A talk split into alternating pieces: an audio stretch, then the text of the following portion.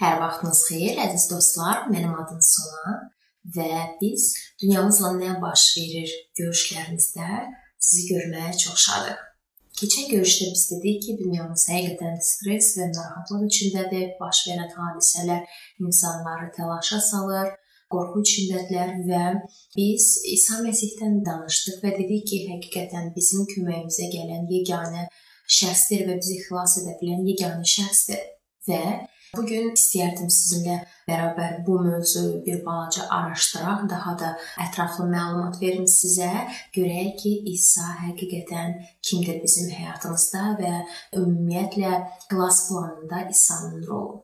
Ümumiyyətlə müqəddəs kitabda olan peyğəmbərliklər şeytana və onun pis ruhlarına fokuslanmayıb onun bütün məğzi bizim fikrimizi İsa Məsihə yönəltmək istəyir. O İsa Məsih, yəni vəhiy kitabının əsas mövzusudur və bu bütün vəhiy İsa Məsihin ikinci gəlişinə fokuslanıb. Gəlin baxaq bizə vəhiy kitabının 14-cü fəsli və 14-cü ayəsi nə deyir?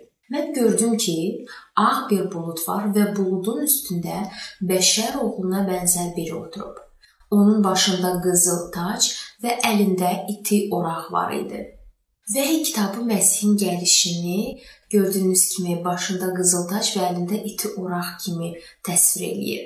O padşahların padşahı, ağaların ağası kimi gələcək. Müqəddəs kitab onun gəlişini hansısa sakit bir hadisə kimi təsvir etmir. Bəli, nə vaxtsa İsa Məsih dünyaya Betlehemdə dünyaya gəlmişdi, anadan doğulmuşdu və körpə kimi təsvir edirdi və o zaman onun gəlişini bəzi insanlar bilirdi. Amma indi vəhiy kitabı ikinci gəlişi tam fərqli bir formada artıq izah edir. O, dediyim kimi, başında bir qızıl taç ilə gələcək. O yer üzünə məhsul yığmaq üçün gələcək və əlində qızıl oraq, iti oraq olacaq. Müqəddəs kitab deyir ki, o şöhrətlə və bütün güclə gələcək. Baxın, Vəhiy 19-cu fəsil 11-ci ayədə yazılıb. Mən gördüm ki, göy yarılıb və orada bir ağ at var. Onun belində oturan süvari sadiq və haqq adlanan və ədalətlə hökm çıxararaq döyüşür. Vəhiy 19-cu fəsil 14-cü ayədə yazılıb.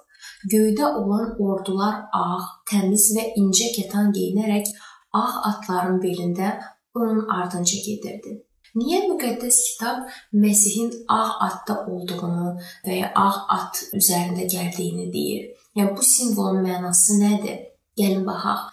Ağ at təmizlik, qələbə və bayram rəmzidir. Məsih qızıl tacla gəldiyi zaman ağ atda oturacaq o padşahların padşahı, ağaların ağası kimi gələcək və o bu düşməni, yəni düşməni deyəndə şeytanı və bütün şəri nəzərdə tuturub onu məhv etmək üçün gələcək və o öz ordusu ilə gələcək. Təbii ki, yəni dediyim kimi Vəhiy kitabı bizə İsa Məsihin gizli şəkildə gəldiyini təsvir eləmir. Vəhiy 11-ci fəsil 15-ci ayədə yazılıb. Rəbbimiz və onun Məsihi dünya üzərində padşahlığa sahib oldu. O əbədi olaraq padşahlıq edəcək. İsa Məsihin gəlişi ilə böyük bir mübarizə belə deyək də sona çatacaq və artıq nə bir günah, nə də bir günahkar qalacaq və o bütün kainatın üzərində padşahlıq eləyəcək. Amma İsa Məsihin gəlişi ilə bağlı iki insanları narahat edici sual ortaya çıxır. Baxın, birinci sual: İsa ikinci dəfə necə gələcək və İsa ikinci dəfə gəldiyi zaman mənim hazır olduğumu mən hardan biləcəm? Müqəddəs kitab hər iki suala aydın cavab verir. Baxın, İsa öz gəlişindən əvvəl gələn hilələrindən bəzilərini təsvir edir. Luka 17-ci fəsil 23-cü ayədə yazılıb. Adamlar sizə bax o oradadır, yaxud bax buradadır deyəcək. Gedib onların arxasınca düşməyin. Başqa bir sözlə, əgər İsa seçilmişləri gizli şəkildə gəlib götürdüyünü və ya hansısa bir göründüyü bir yerdə onu müşahidə etdiklərini sizə desələr, əlbəttə ki, bütün bu xəbərlərin yalan olduğuna əmin ola bilərsiniz. Kimsə desə ki, məsəl üçün o baxın o Tokiyadadır, ya Bakıdadır, ya oradadır, ya buradadır. Onların ardınca getməsinə tələsməyin.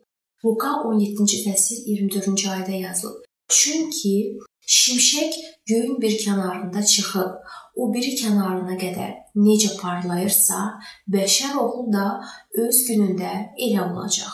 Yəni Məsih Nyu-Yorkda hansısa bir tok-şouya çıxmayacaq və ya İtaliyanın hansısa bir küçələrində gəzməyəcək.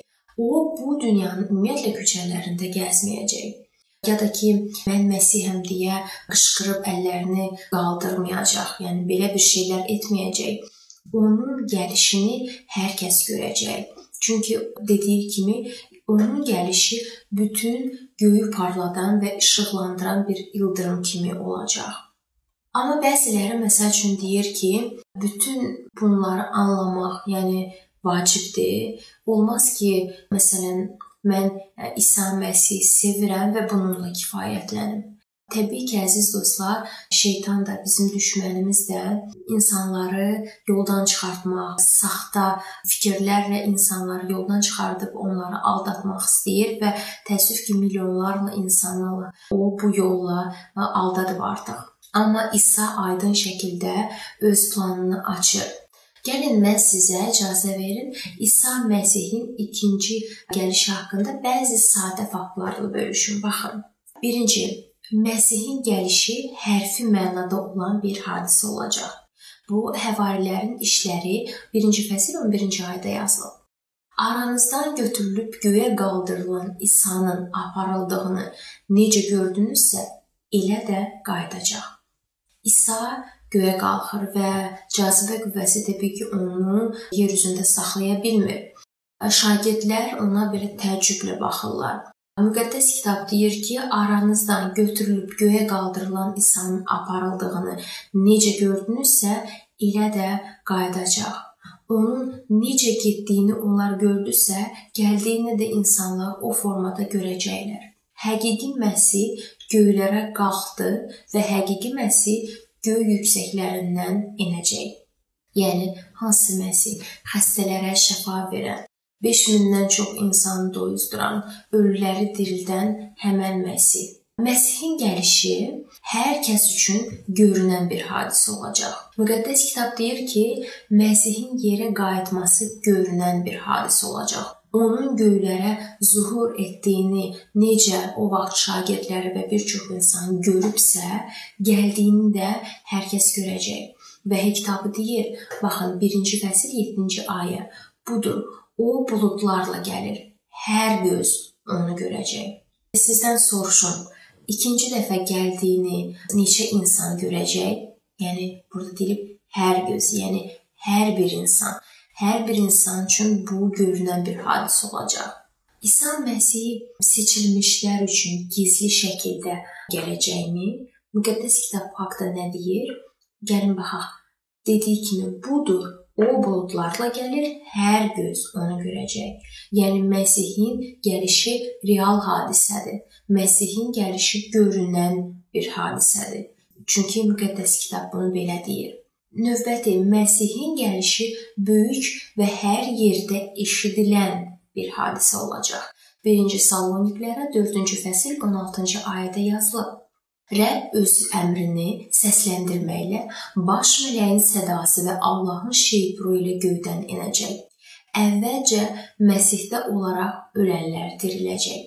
O hərfi mənada gələcək və onun gəlişi görünən bir hadisə olacaq. Yəni hər göz bunu e, görəcək. O elə bir şəkildə gələcək ki, hər qulaq onu eşidəcək.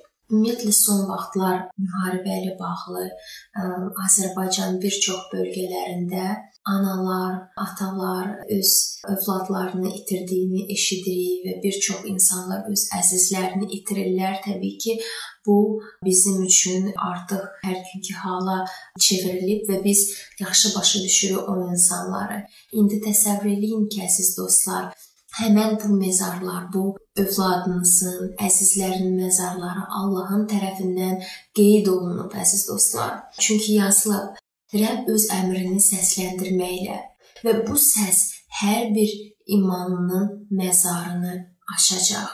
Müqəddəs kitabda deyilir: "Baş mələyin sədası və Allahın şeypuru ilə göydən enəcək." Yəni şeypurun təntənə səsi, şeypurun triumf səsi. Müqəddəs kitab davam eləyir. Əvvəlcə Məsihdə olaraq ölənlər diriləcək. Bir gün İsa deyəcək: "Ramil, qalx, Günər qalx, Samir qalx, əbədi həyat üçün yenilənmiş və ölməzliyə bürünən bədənlərində qalx və sevdikləriniz qəbirdən çıxacaqlar və İsa ilə e, havada görüşmək üçün artıq ölməzliyə bürünəcəklər. Baxın 1-ci Saloniklərə 4-cü fəsil 17-ci ayədə yazılıb. Ondan sonra sağ qalan bizlər Rəbbi havada qarşılamaq üçün onlarla birgə buludlar içində götürülüb aparılacaq. Yəni kimlərlə? Onlarla, amma onlarla deyəndə kimləri nəzərdə tutur? Dirilən salihlər artıq, qəbirlərində yatmış salihlər. Biz buludlar içində götürülüb aparılacağıq, birlikdə onlarla, yəni salihlərlə havada İsa ilə görüşmək üçün və beləcə daim Rəblə olacaq. Bu sözlərin dərinliyinə baxın. Görün bu sözlərdə nə dərəcədə çoxlu sevgi var. İsa yenə də bu dünyaya yaşamaq üçün gələcəkmi? Xeyr. Biz onunla yerdə görüşməyəcəyik. Biz onunla havada görüşəcəyik ki, bir dəfəlik onunla göylərə getmək. Mattanın müjdəsində 24-cü fəsil 26-cı ayədə belə deyilir: Ona görə sizə bax o çöldədir desələr də çıxmayın. Müqəddəs kitab deyir ki, şeytan ümumiyyətlə bu İsa Məsihin möcüzəsini saxtalaşdırıb həqiqi kimi göstərməyə çalışacaq. Və desələr ki, sizə məsəl üçün İsa Bakıdadır, o burdadır, o ordadır, ora gedin, müqəddəs kitab deyir ki, getməyin. Çünki həqiqi İsa gəldiyi zaman onu hər göz görəcək, hər kəs onun eşidəcək, o xəbəri hər kəs eşidəcək. Matta 24-cü fəsil 27-ci ayədə yazılıb. Çünki şimşək şərqdə çaxıb, qərbdə belə göründüyü kimi bəşər oğlunun zühurda elə olacaq. O göydən bir çox mələklərlə enəcək. Yəni onların sayı minlərlə olacaq həqiqi İsa buludlar içində gələcək və həqiqi İsa ölüləri diriltmək üçün gələcək. Matta 24-cü fəsil 30-cu ayədə yazılıb. O zaman bəşər oğlunun əlaməti göydə görünəcək. O vaxt yer üzünün bütün tayfaları şivən qoparacaq. Məsihin gəlişi şərqdən qərbə qədər göyə nüfuz edən ildırım kimi olacaq. Göydə onun zühurunu yerin bütün xalqları görəcək. Vəhi 1-ci fəsil 7-ci ayə bizə deyir ki, hər göz onu görəcək. Fikir verin, Məsihin ikinci gəlişi yalnız imanlılar üçün görünən bir hadisə olmayacaq. İsa'nın ikinci dəfə gəldiyi zaman hər göz onu görəcək və hər qulaq bu hadisəni eşidəcək. Məsih gəldiyi zaman yalnız iki qrup olacaq ona iman edənlər, yəni xilas olanlar və xilas olmayanlar, satın alınanlar və məhv edilənlər. Yəni Məsih ikinci dəfə dünyaya gələndən sonra heç kəsin ikinci şansı artıq olmayacaq. Və ayə davam edir ki, və bəşər oğlunun göyün buludlar üzərində qüdrət və böyük izzətlə gəldiyini görəcək. Yəni görəcək Müqəddəs kitab deyir ki, yer üzünün bütün xalqları bəşər oğlunun böyük izzətlə gəldiyini görəcək. İsa gələcək, hərfi mənada gələcək, görünən və eşidilən şəkildə. Məsihin gəlişi bir bu dünyanın və tarixin kulminasiya nöqtəsi olacaq. 1-ci Korinfilər 15-ci fəsil 51-dən 53-cü ayəyə qədər belə yazılıb. Baxın, sizə bir sir açmaq istəyirəm. Hamımız vəfat etməyəcəyik. Amma son şerpu çalınanda bir andaca, bir göz qırpımındaca hamımız dəyişiləcəyik. Çünki şeypur çalınacaq, ölülər çürüməzliklə diriləcək, biz isə dəyişiləcəyik. Bu həqiqətən kulminasiya hadisəsidir. Çünki bu çürüyən bədən çürüməzliyə, bu ölümə düçar olan bədən ölməzliyə bürünməlidir. Göyün buludlar içində Məsihin gəlişini təsəvvür eləyin. Göylər necə də onun izzəti ilə aydınlanıb. Torpaq çırpılır, binalar sarsılır və hər yerdə şimşək çaxır. Saysız hesabsız mələklər ölüm yuxusundan oyanan salihlərin bu qəbirlərinə tələsirlər. Onların bədənləri artıq günahkar və ölümə bürünən bir bədən deyil. Onlar artıq ölməzliyə bürünüblər və hər kəs öz yaxınlarının məzarını görüb oradan yaxınlarını, əziz insanların çıxdığını görürlər. Və mələklər beləliklə onları qovuşdururlar bir-birləri və hər bir insan öz itirdiklərini, onlara əziz ailə üzvlərini, əziz olan insanlarla birlikdə qarşılayırlar və bütün bu insanlar, bütün bu salihlər göydə olan İsa'nı qarşılamaq üçün havaya qalxırlar. Və biz ölümsüz bədənlərimizdə artıq İsa Məsihə həmd himnlərini oxuyacağıq. Baxın, Vəhi 15-ci fəsil 3-cü ayədə yazılıb. Ey külli ixtiyar Rəbb Allah, sənin işlərin böyük və heyrətlidir. Ey millətlərin padşahı, sənin yolların ədalətli və həqiqidir. Yaşa 25-ci fəsil 9-cu ayədə yazılıb. O gün deyəcəklər: Budur bizim Allahımız. Ona etibar etdik, o bizi qurtardı.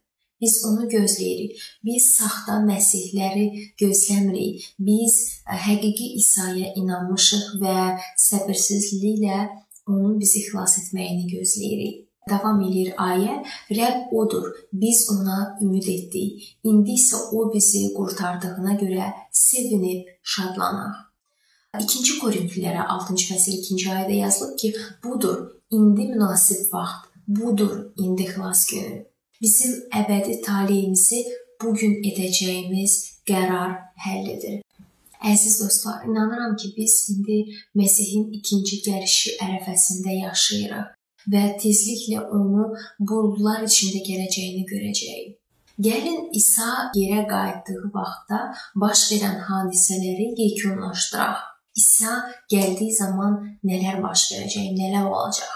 Birinci, seysmik kataklizmlər. Bütün yer inanılmaz seysmik aktivliyə əhatə olunub, dağlar və adalar öz yerlərindən hərəkət edəcək və zəlzələ bütün planetimizi sarsıdacaq. İkinci, ölü salihlər diriləcək. Havari Paul Saloniklərə məktubda deyir: "Əvvəlcə Məsihdə olaraq ölənlər diriləcək." Qəbirlərində yatan müqəddəslərin hamısı Məsihin səsini eşidib əbədi həyat üçün diriləcək. Üçüncü, həyatda qalan salihlər dəyişəcək və ölümsüzlük hədiyyəsini alacaq. Dediyim kimi, biz artıq yerdə qalan salihlər ölməzliyə bürünəcək, yeni bədənlər alacaq. 5-ci, həyatda qalan bütün şər qüvvəsi məhv olacaq. Vəhi kitabında 6-cı fəsil 14 və 15-ci ayə şər adamların, dağların və qayaların onların üzərinə qopub düşməsini istəyəcəklər. Artıq İsa ikinci dəfə gələndə onların ə, e, ikinci şansı olmayacaq əziz dostlar. O dövrdə yaşayan bütün pislər Məsihin gəlməsi ilə məhv olacaqlar. 6-cı salihlər Məsihi salamlayacaqlar. Müqəddəs kitab deyir ki, Məsih gəldikdə biz onunla görüşmək üçün havaya qalxacağıq. 7-ci salihlər göylərə aparılacaq. Ancaq bəzilər deyirlər ki, bəs kəlamda elə bir yer var ki, orada yazılıb o bir oğru kimi gələcək. Bəs bununla bağlı nə deyə bilərsiniz? Yəni Məsih 2 dəfə gəlməyəcəkmi? Yəni birinci dəfə gizli şəkildə gəlib seçilmişlərin götürəcək və ikinci dəfə də izzət ilə gələcək. Gəlin baxaq ümumiyyətlə barədə kəlam bizə nə deyir. Matta 24-cü fəsil 36-cı ayədə yazılıb. Lakin o günü və o saatı nə göylərin mələkləri, nə də oğul bilir. Atadan başqa heç kim bilmir. Matta 24-cü fəsil 43-cü ayədə yazılıb. Amma bunu bilin ki, əgər evin yiyəsi oğrunun gecə hansı saatda gələcəyini bilsəydi, oyaq qalıb evin yarılmasına imkan verməzdi. Gəlin baxaq ümumiyyətlə bu mətndə nədən gedir söhbət. Bu mətndə ümumiyyətlə İsa'nın hansı şəkildə gəldiyi barədə, yəni hansı yolla gəldiyi barədə deyilir, yoxsa vaxt barədə deyilir? Hər şey əslində çox sadədir. Baxın, Əgər məsəl üçün hardasa bir oğru planlaşdırıbsa, məsəl üçün sizin evinizə gəlmək, o görəsən əvvəlcədən sizə xəbərdarlıq eləyəcəkmi? Mən gəlirəm, hazır ol, mən sabah gələcəm sənin evini yarmağa. Təbii ki, bu oğru heç vaxt belə eləmir. Yəni oğru həmişə ən bizim gözləmədiyimiz bir vaxtda gəlir. Və Məsih də bir oğru kimi gəldiyi zaman biz bunu belə anlamalıyıq ki, dünya onun gəlişini gözləməyəcək. Yəni o birdən-birə gələcək. Amma hər kəs onu görəcək. Müqəddəs kitab onun gizli şəkildə gəldiyini demir əsla. Heç vaxt orada yəni belə bir mənada kəlam istifadə olunmayıb. Matta 24-cü fəsil 44-cü ayədə yazılıb. Buna görə siz də hazır olun, çünki bəşər oğlu gözləmədiyiniz vaxt gələcək. 2-ci Petr 3-cü fəsil 10-cu ayədə yazılıb. Rəbbin günü isə oğru kimi gələcək. O gün göylər böyük gurultu ilə aradan qalxacaq. Ünsürlər yanaraq məhv olacaq. Yer üzünü və onun üstündə hər şey ifşa olunacaq. Nə zaman olacaq? Yəni bir oğru kimi gəldiyi zaman, gözlənilməz, birdən-birə gəldiyi zaman. İkinci gəlişinə hazır olmayanlar üçün həqiqətən bu bir sürpriz olacaq və bəlkə də bir pis bir sürpriz olacaq. Çünki hazırlanan insanlar bu hadisəyə, bu ikinci gəlişinə hazırlanan insanlar təbii ki, onun gəldiyini bilirlər, amma buna hazır olmayan insanlar çox böyük bir təəccüb içində olacaqlar. Amma onlarla nə olacaq? Belə bir sözlər də var kəlamda. Biri götürüləcək, o biri isə qalacaq. Bunu deyəndə kəlam nəyi nəzərdə tutur? Gəlin baxaq Luqa 17-ci fəsil 36-cı ayədə belə yazılıb. Tarladakı iki nəfərdən biri götürüləcək, o biri isə qalacaq. İkinci şəxs sağ qalacaqmı? İsa davam edir. Baxın. Luqa 17-ci fəsil 26-cı ayədə yazılıb. Nuhun günlərində necə idisə, baxın Nuhun günlərində nə baş verdi? İki qrup insan var idi, düzdür? Bir qrup gəmiyə girdi və xilas oldu. İkinci qrupa nə oldu? Onlar bu xəbəri rədd elədilər və daşqın altında məhv olub getdilər. Və sonra Luka 17-ci fəsil 28-ci ayədə Lutun günlərində də belə idi. Lutun günlərində nə baş vermişdi? Orada da iki qrup insan var idi. Birinci qrup onları Allah e, o şəhərdən çıxartdı və onlar beləliklə sağ qaldılar. İkinci qrup da şəhərdə qalıb odun altında, belə deyək də, odla şəhər məhv olanda onlar da şəhərlə bir yerdə məhv oldular. Nuhun günlərində necə idisə, iki qrup insan, elə də Lutun günlərində də belə idi. Bir qrup xilas oldu, ikinci qrup təəssüf ki, öz qərarları nəticəsində məhv oldular.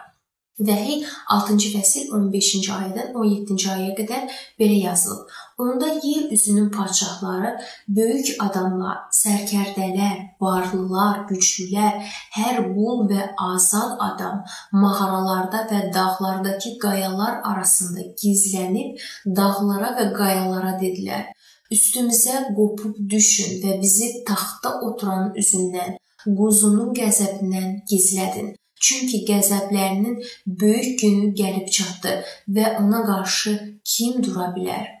Bu nə faciədir. Allah həqiqətən bütün insanları xilas etmək üçün gələndə bir çox insanlar ondan qaçacaqlar. Yəni İsa'nı qəbul etməyəcəklər. Necə ki, bundan əvvəl də və indiki yaşadığımız vaxtda da Bir çox insanlar İsa'nı öz padşahı kimi, öz ürəyinin padşahı kimi, öz həyatının xilaskarı kimi qəbul etmək istəmirlərsə, eləcə də o günlərdə də İsa gəldiyi zaman da bir çox insanlar dua edəcəklər ki, qayalar və dağlar onun üzərinə qopub düşsün və onu taxta oturandan gizlətsin. O dərəcədə bu onlar üçün qorxulu bir hadisə olacaq. Bundan əlavə də belə bir yenə də yanlış bir düşüncə var və bununla şeytan bir çox insanları aldatmağa çalışır. Baxın, bəzi insanlar düşünürlər ki, Onlar yer üzündə qalacaqlar və onların böyük kədərə qədər zamanı var, ikinci şansı olacaq. Və bu da təbii ki, yalandır və şeytan da bununla insanları çaşdırmağa çalışır. Çünki insanlar belə düşünəcəklər ki, eyb yoxdur, mənim ikinci kədərə qədər, böyük kədərə qədər şansım var, sonra xilas barədə düşünə bilərəm. Əziz dostlar, gələcəyinizi təxirə salmayın. Öz xilasınızı təxirə salmayın. Çünki kəlam deyir ki, budur münasib vaxt. Yəni bu barədə düşünməyə vaxtı gəlib, əziz dostlar. Yəhya 14-cü fəsil 2 və 3-cü ayədə yazılıb. Atamın evində çoxlu məskən var. Əgər olmasaydı, sizə deyərdim ki, sizin üçün yer hazırlamağa gedirəm.